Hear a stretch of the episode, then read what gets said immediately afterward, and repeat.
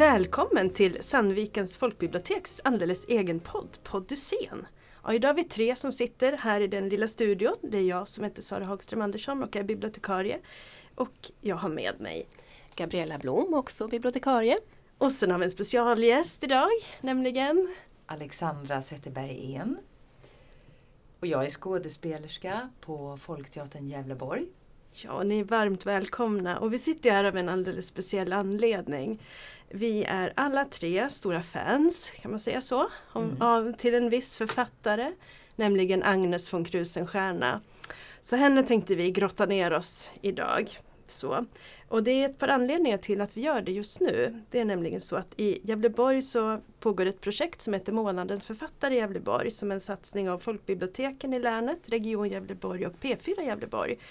Och den här satsningen har som syfte att öka kunskapen om och stoltheten över de författare som har skrivit om eller varit verksamma i vårt län.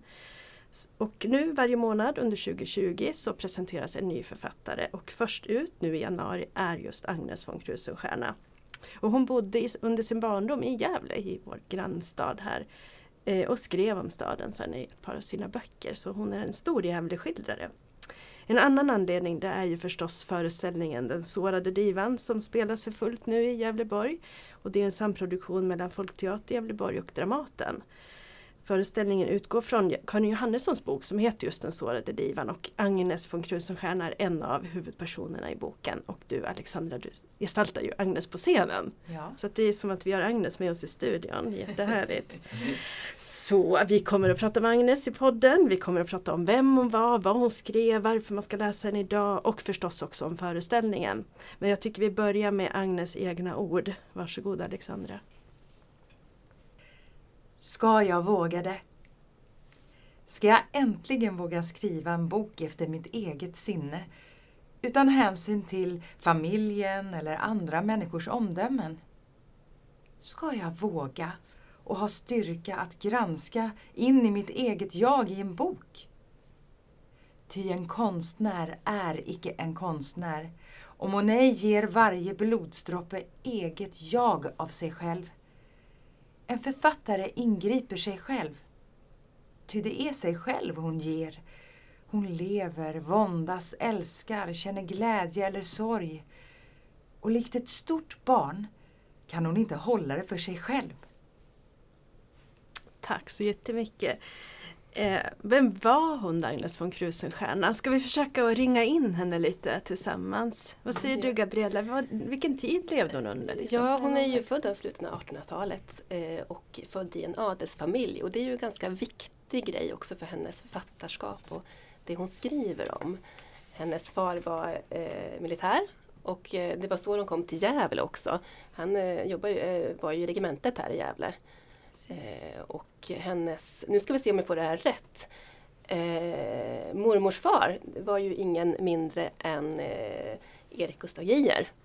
Eh, så det var ju en, en, en släkt med mm. litterära, liksom verkligen litterära anor. Och jag tror att det inspirerade henne mycket till att börja skriva också, eller vad säger ni? Men precis, hon måste ha haft massor att ta av i sina texter, tänker jag, i och det märker man ju verkligen i hennes romaner. Hon har skrivit Tonys, eh, Tony-trilogin. Hon berättar om sin egen uppväxt och det en del handlar om Gävle och sen om hennes liksom, tonår och som ung kvinna. Att, eh, det måste ha funnits jättemycket att ta av och så från, från det egna livet. Mm. Mm. Ja, hon förtäcker ju, hon ger ju de andra namn. Men eh, alla visste nog vilka det var hon mm. skrev om. Ja. Och det var ju en stor skandal. Men hon skriver ju också, som vi hörde i texten, hon säger ju verkligen jag måste skriva om mitt liv. Mm. Eh, det är mitt eget jag, jag måste satsa. Mm. Och det blir ju sen ganska tufft att mm. göra det. Det finns ju massor av författare idag som också gör det. Och mm. Kanske ännu mer, eller som lämnar ut andra människor. Och, de blir oftast inte så omtyckta. Nej, Nej precis. Det är en precis. stor liksom, litterär genre egentligen, just den självbiografiska romanen. Jag tänker på Alex Schulman ja, böcker om sina... Åse Berg. Ja, och, eller konstnärer Anna Odell. Och, mm. Att man, det är med sitt eget liv som insats på något mm. sätt. Man, och det blir ju väldigt brännande och jag kan tänka mig de här extremt instängda adliga miljöerna Mm. där Mm. alla känner alla och alla gifter Mm. sig med sig själva nästan så, eh, så var det nog väldigt, väldigt anmärkningsvärt. Och hon trivs ju verkligen inte i den här miljön om man tänk, tänker utifrån det hon skriver, de här konventionerna som var i adelsmiljön. Så hon vill ju verkligen bort från det, leva sitt eget liv. Mm. Ja, och hon vill ju Mm. bort från allt. Ja. Mm. bort från allt. Hon vill precis. bort från kvinnorollen. Mm. Hon bryter ju väldigt mycket normer Mm. under sitt liv. Mm. Och det hör ju också ihop med en annan väldigt viktig aspekt i hennes författarskap och det är ju hennes psykiska ohälsa eller sinnessjukdom eller hur man nu vill uttrycka det. Mm. För det Ja. färgar ju också henne Mm. på, på olika sätt. Och det har hon ju verkligen skrivit väldigt mycket om inifrån. Och det är ju Mm. väldigt intressant för att hon, eh, hon är långa, långa perioder på sinnessjukhus. Men hon kan ändå iaktta sig själv utifrån Mm. och skriva både vad hon eh, berättelser om de personerna som är där men också hur det känns att, att vara sjuk eller eh, morfinberoende. Mm. Eller, Mm. eh, hon var ju väldigt eh, sjuk vissa perioder men skrev hela tiden. Mm. En väldigt produktiv författare. Ja. Precis. Och hennes författarkarriär tar ju faktiskt också fart i och med hennes, eh, hennes eh, sjukdom kan man Ja. ju säga. Ja. Det är där hennes karriär börjar lite grann. Ja, för jag tänker om man inte läst henne, hon började ju som en slags nästan flickboksförfattare 1917. Mm. Och som du säger, sen förändras ju det när hon Mm. verkligen bestämmer sig för eller vågar skriva utifrån sig själv. Ja. Så blir det något helt annat. Ja, hon bearbetar ju sina trauman. Mm. Liksom, Mm. faktiskt. Mm. Som också händer på sjukhusen. Så det är ju Mm. som du säger precis då hon börjar att ge av sitt eget jag. Mm. När läste ni henne första gången? När kom ni liksom i kontakt med Agnes von Krusenstjerna? Ja, jag läste henne första gången i 20-årsåldern och då läste jag ju den här romansviten eh, Fröknarna von Palen som hon kanske är mest känd för. Mm. Eh, och eh, inte minst för att eh, den är förknippad med en ganska stor eh, debatt och till och med skandal. En Mm. väldigt stor eh, kulturdebatt under 30-talet som kallas just för Krusenstjärnafejden eller Palenfejden. Mm. Mm. Vad har du för? Ja, alltså jag minns inte. Den var väl undanskuffad såklart kanske när jag gick i skolan. och jag är ju från Skåne så jag vet inte. De kanske, jag, jag har ju läst om andra i hennes släkt. Hamiltonarna och Lagerkransarna och sådär. Jag har ju läst mycket Lagerkrans för att jag har läst mycket om Strindberg. Och Mm. Men nej, det var inte poppis att läsa om kvinnor. Nej. Så det var ju just som vi pratade om innan när eh, biblioteket hade, vad var det?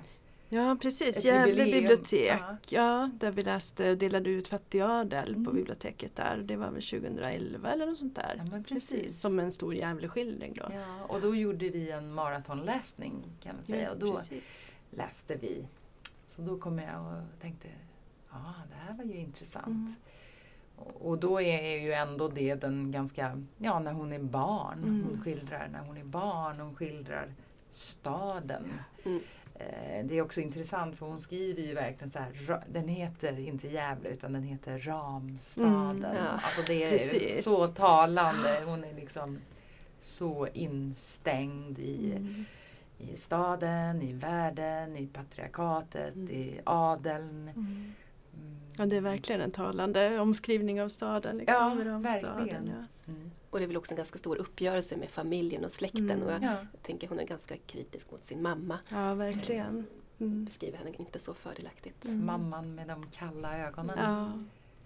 ja, det är som återkommande hos henne, just den här modersrelationen som Mm. är så Ja, sårig. Och, ja. Ja, precis. Och det är intressant för i Den sårade divan är det ju två andra kvinnliga konstnärer.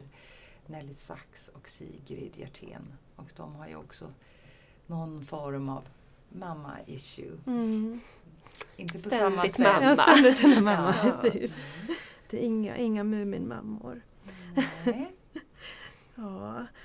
Eh, jag har väl läst också Krusenstjerna från kanske 20-årsåldern och börjat med de här flickböckerna. För jag är från Gävle. Jag tror att hon alltid liksom funnits där på något sätt. Man har vetat vilket hus hon har bott eller så. Och jag är förvånad över att jag fortsatte läsa den efter dem för de är ju inte jätteskojiga. Liksom. Det är hjärta och smärta och inte alls vad som hände sen. Så att jag ja, man ska inte säga att man är glad över det trauman de bearbetar i böckerna men, men det är ju väldigt bra läsning de här senare som hon mm. skrev. Fröknarna från Palen och Fattig adel och, och så. Hon skriver ju. Ja, det är fantastiska böcker. Ja. Jag tänkte, vi har varit inne lite grann på det, men vilka teman hon, hon eh, behandlar och så. Hon plockar ju mycket från det som vi varit inne på med släkt och psykisk ja. ohälsa. Och tänker även där med sexualitet och kvinnors sexualitet. Och så. Ja.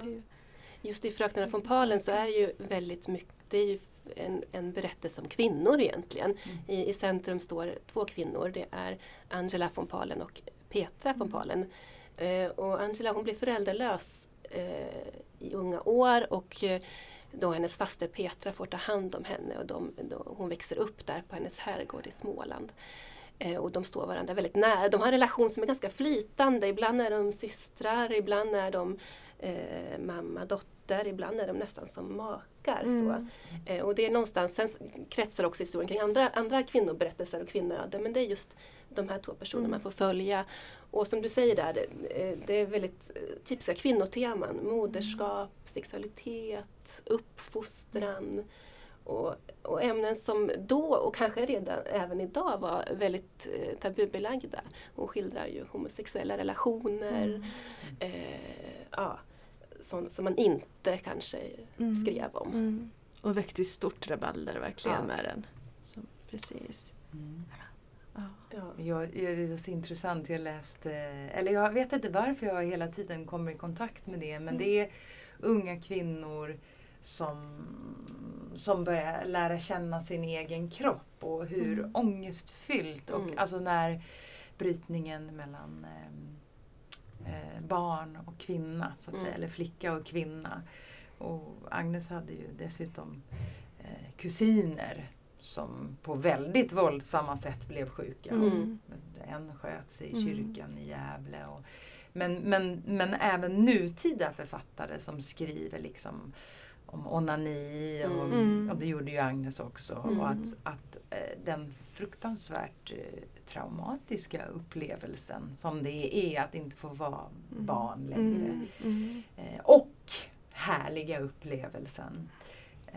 Och det kan, jag, det kan man ju känna igen sig i. Mm. Att det är en oerhört stor omställning. För vi har ju våra gränser och liksom ja. så, även om de har flyttats och ser annorlunda ut så känner man ju ändå igen sig på något mm. sätt i, i det här ja. liksom frigörelsebehovet och ja, det som hon är inne på. Och jag tänker hon får ju också senare diagnosen eh, hysteri som var ju så här typiskt all, allmän diagnos mm. kanske liksom där i början av, av, av seklet.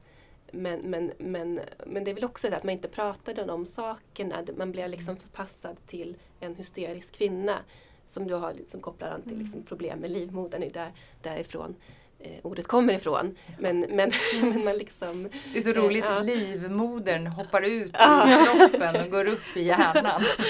När det kanske inte handlar om fysiska liksom, sådär, eh, saker. Men, mm. men, det är intressant hur man, hur man inte pratar, eller hur man pratade om problemet då. Mm. Ja, och det handlar ju också om mode, modeord. Mm. Liksom, det kommer ju från Paris. Mm. Mm. Eh, eh, det var ju väldigt modernt med hysterikor. Mm. De visade man ju till och med upp och dansade mm. och, mm. på Salpetier. Så att det, ja. det, var ju väldigt, alltså det tänker man ju även nu, det är ju vissa mode diagnoser och mode. Plötsligt har alla mm. hysteri. Fantastiskt bra sätt att få bort många ja. Ja, ja, ja precis. precis. Ja. Mm.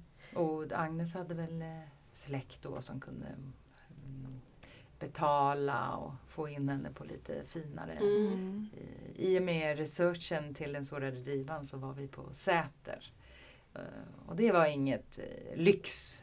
För annars mm. tror jag att Agnes levde lite lyxliv. Och det är väl lite den bilden man får att ja. hon kan styra, eller ja, känns ja, det som precis. i alla fall. Hon kan skriva in sig mm. och hon börjar styra och ställa med läkarna och få dem att skriva ut morfin. Och, Och hennes Kokain. föräldrar bekostar hennes också, Ja. till en början i alla fall, bekostar hennes Ja. vistelser på, Mm. på sinnessjukhuset. Och så. Ja, och jag kan tänka mig också, det var väl där de, alltså, att hon kunde få leva Mm. ut, hon kunde få skriva. Det, det, det var ett bra ställe att leva ut helt Mm. enkelt. Mm. Även om hon ju verkligen var sjuk. Men, så att, Ja, och det är fascinerande. Jag tänker också med dels att hon har skrivit så mycket och samtidigt reste de väldigt mycket också hon och mm. David Sprengel som han var gift med. Så det är, det är en väldigt så här, det är ju inte någon författare som har suttit på sin kammare och skrivit utan de har verkligen rest ut i världen och Europa och Mm. levt Mm. livet liksom. Så. Hon har- Ja, hon har ju också legat på sinnessjukhus i Mm. många olika Mm. ja Spanien och ja, olika ja. ställen. Och de var ju jag brukar säga att de var ju nästan Katarina Frostenson. och Ja, Ja, precis. Precis så. De var ju, det, det var de absolut. eh, Det var forum Mm. eh, 1.0. Mm. Eller liksom de var Mm. verkligen eh, hade det var som att vara i Berlin och alla unga författare hängde hemma Mm. Man kom till dem. deras Stockholmslägenhet. Ja, liksom. precis. Våningen Blåkulla som, Ja, just det. som ja. det hette. Ja, just det. Ja. Och David Sprengel var väl en typisk kulturman, var han inte det? Jo, verkligen. Han var, han var ju också han vad heter det, korrigerade hennes Mm. bö- Han Mm. läste alla hennes manus först. Och ibland har man ju så här, nej men det här har David Sprengel skrivit. Mm. Och det, det har man ju då tolkat som att han skrev de sex inslagen.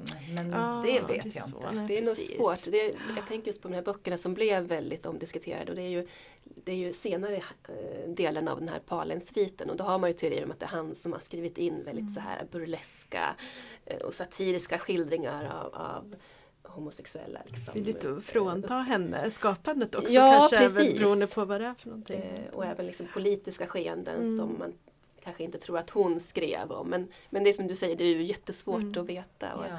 eh, Men det säger ju de att hon Mm. inte var så mycket i samhället. Hon var inne i sitt hjärta och Mm. sin... Ja, att det var inte hennes att ta ansvar för det samhälleliga. Mm. Även om världen just då såg väldigt mörk ut. Ja, Mm. för hon skrev, det är ju 30-tal. Mm, mellan- verkligen. Ja, precis, som hon hon skrev själv, stora. jag vet inte om hon själv hade de mest rumsrena åsikter heller.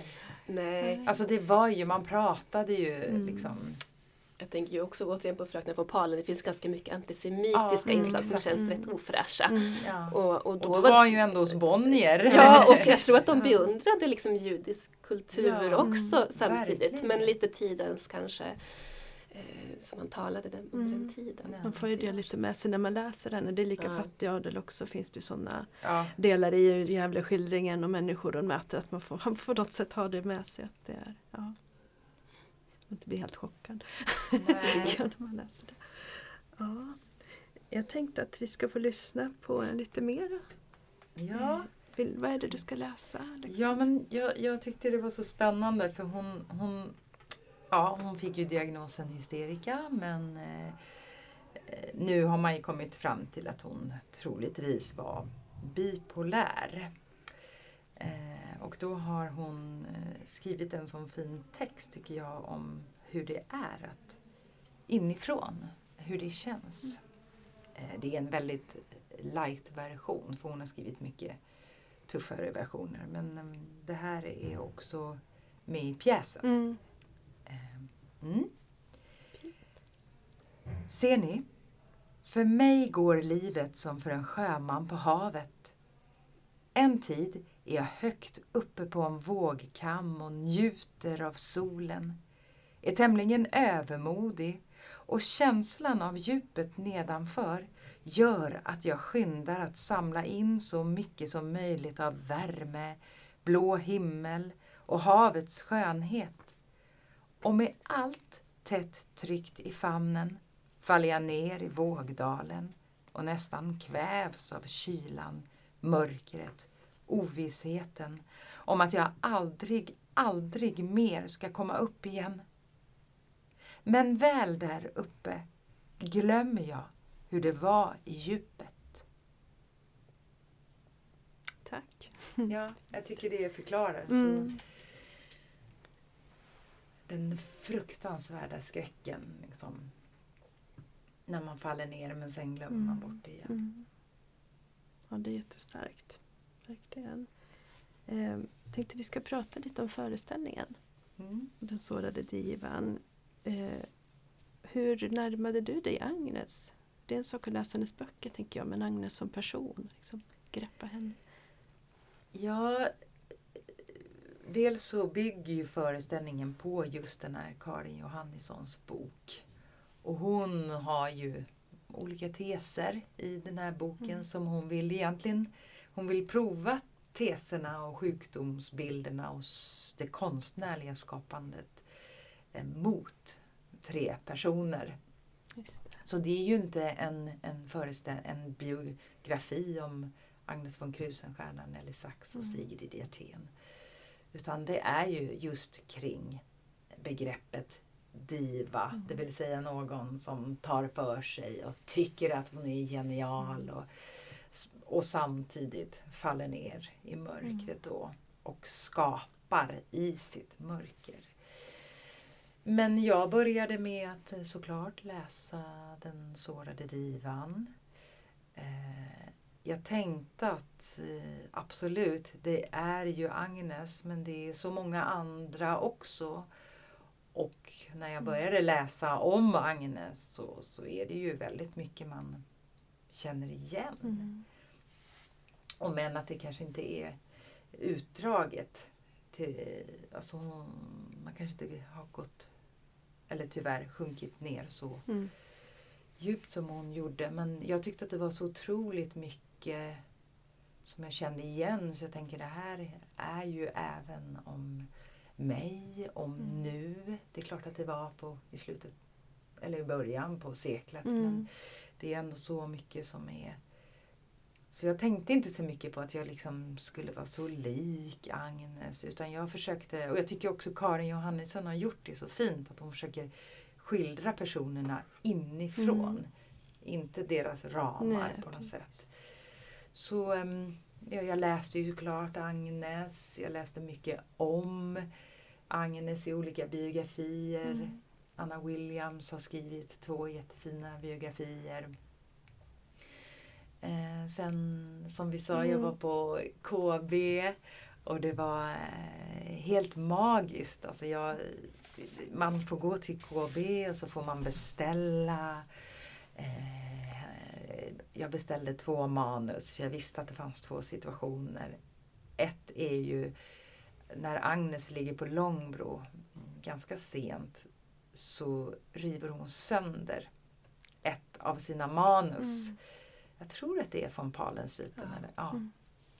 Och eh, en av delarna i den river hon sönder. Och eh, en läkare, och också hon kräks på sitt manus. Mm. Bara, eh, och, eh, så- Vilken gest liksom! Ja men precis! Hon, bara, hon, hon försöker äta Ja. upp det och kräks på manuset. Det är små, små, små bitar. Mm. Och då har ju en läkaren då som hon hade och hans sköterska sitter och klistrar ihop hela det här manuset.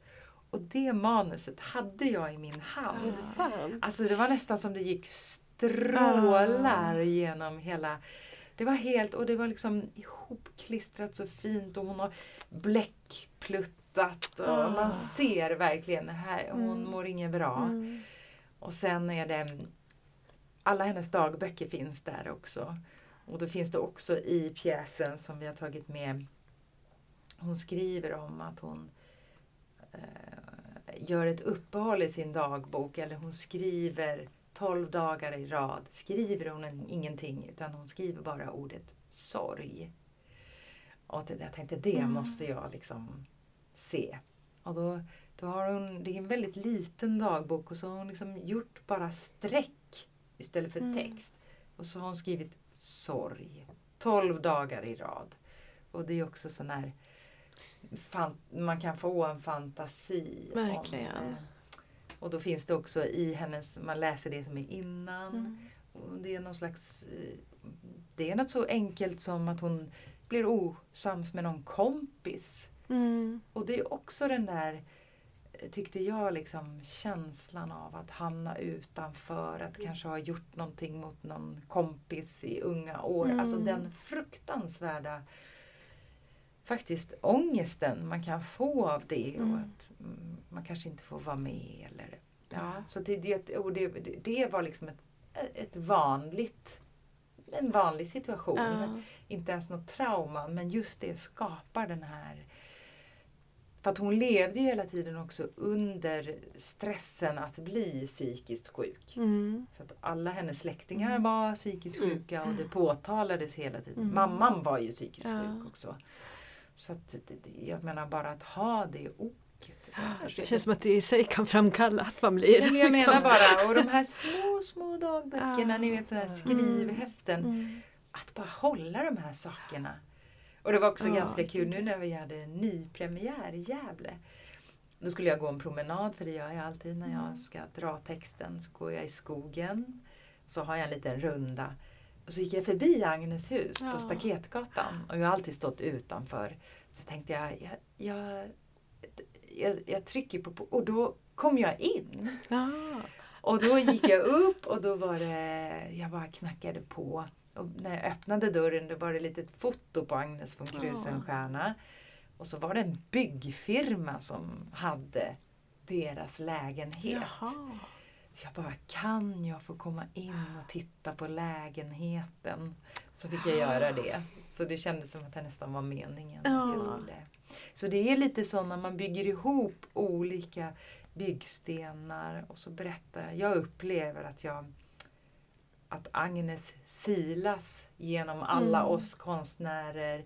Genom Karin Johannisson, genom regissören, genom dramatikern.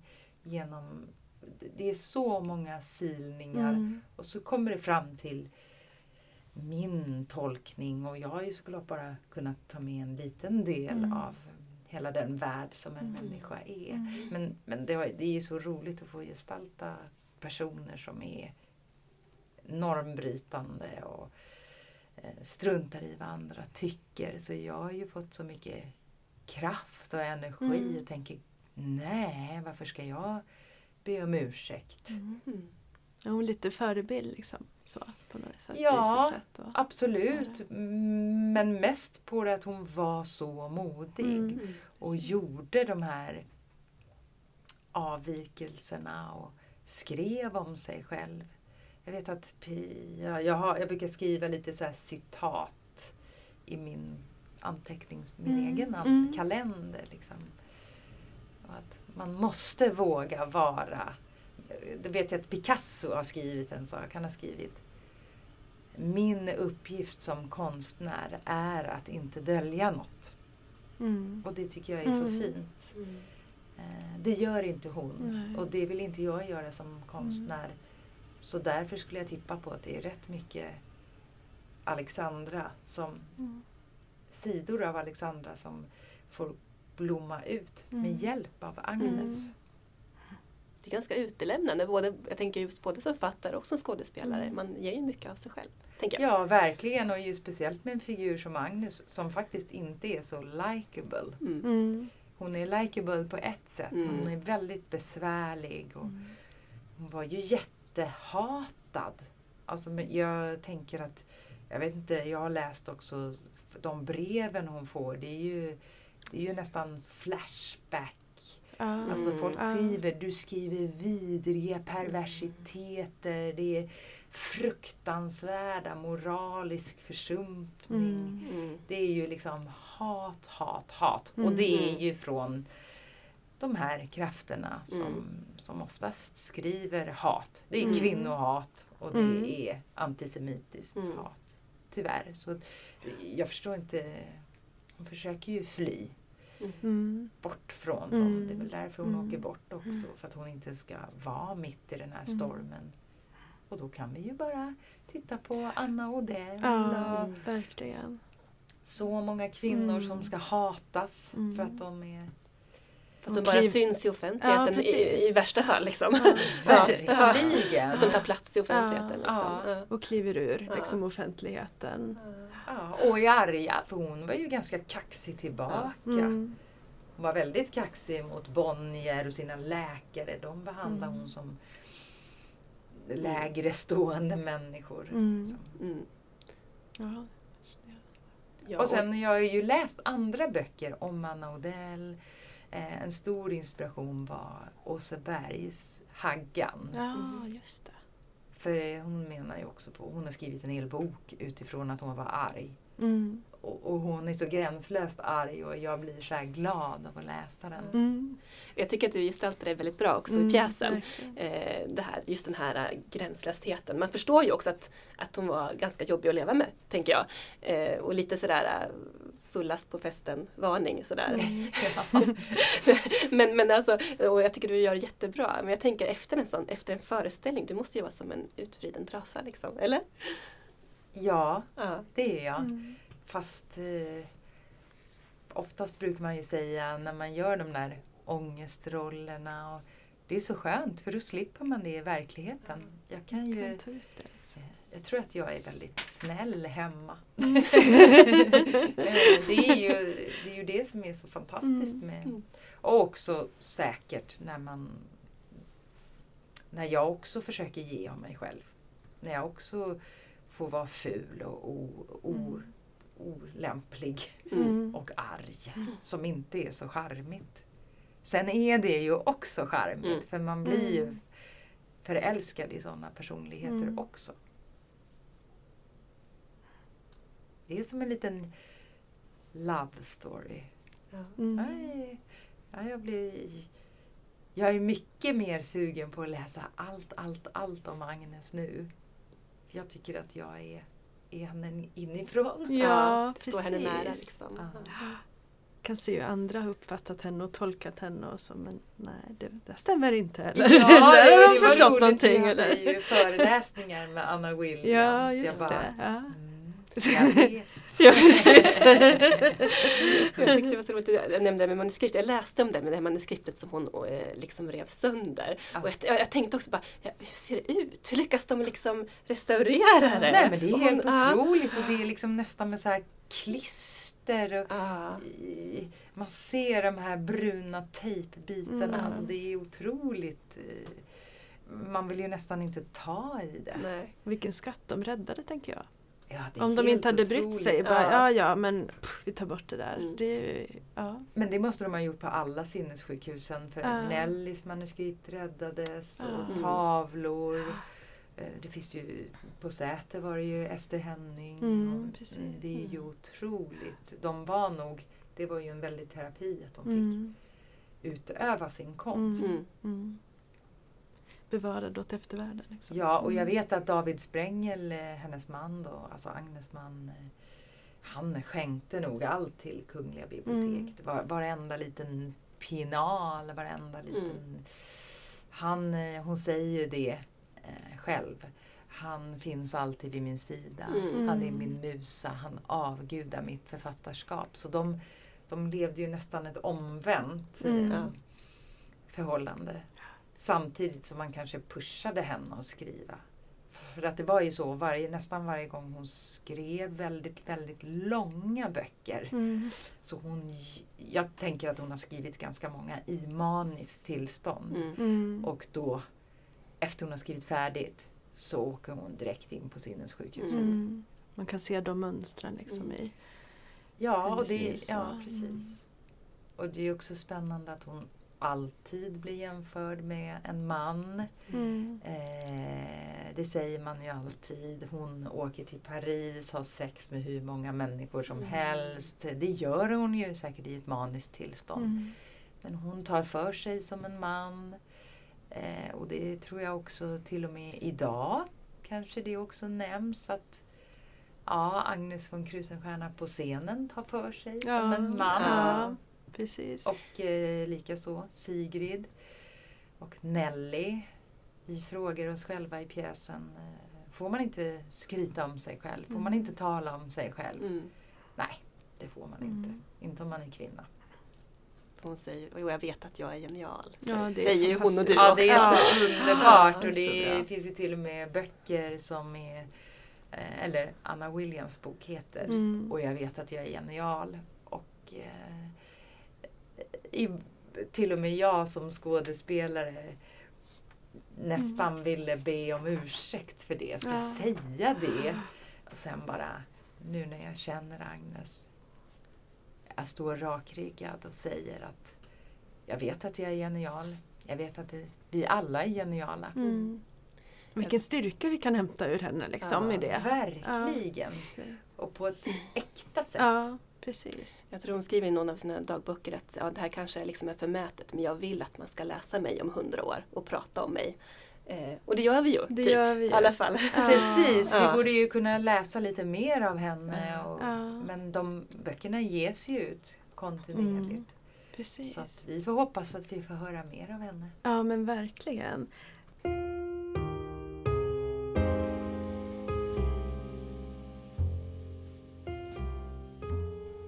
Ja, vi fortsätter att läsa Agnes, forskarna fortsätter att studera henne och just nu så lever hon ju verkligen här i vårt län, i Gävleborg.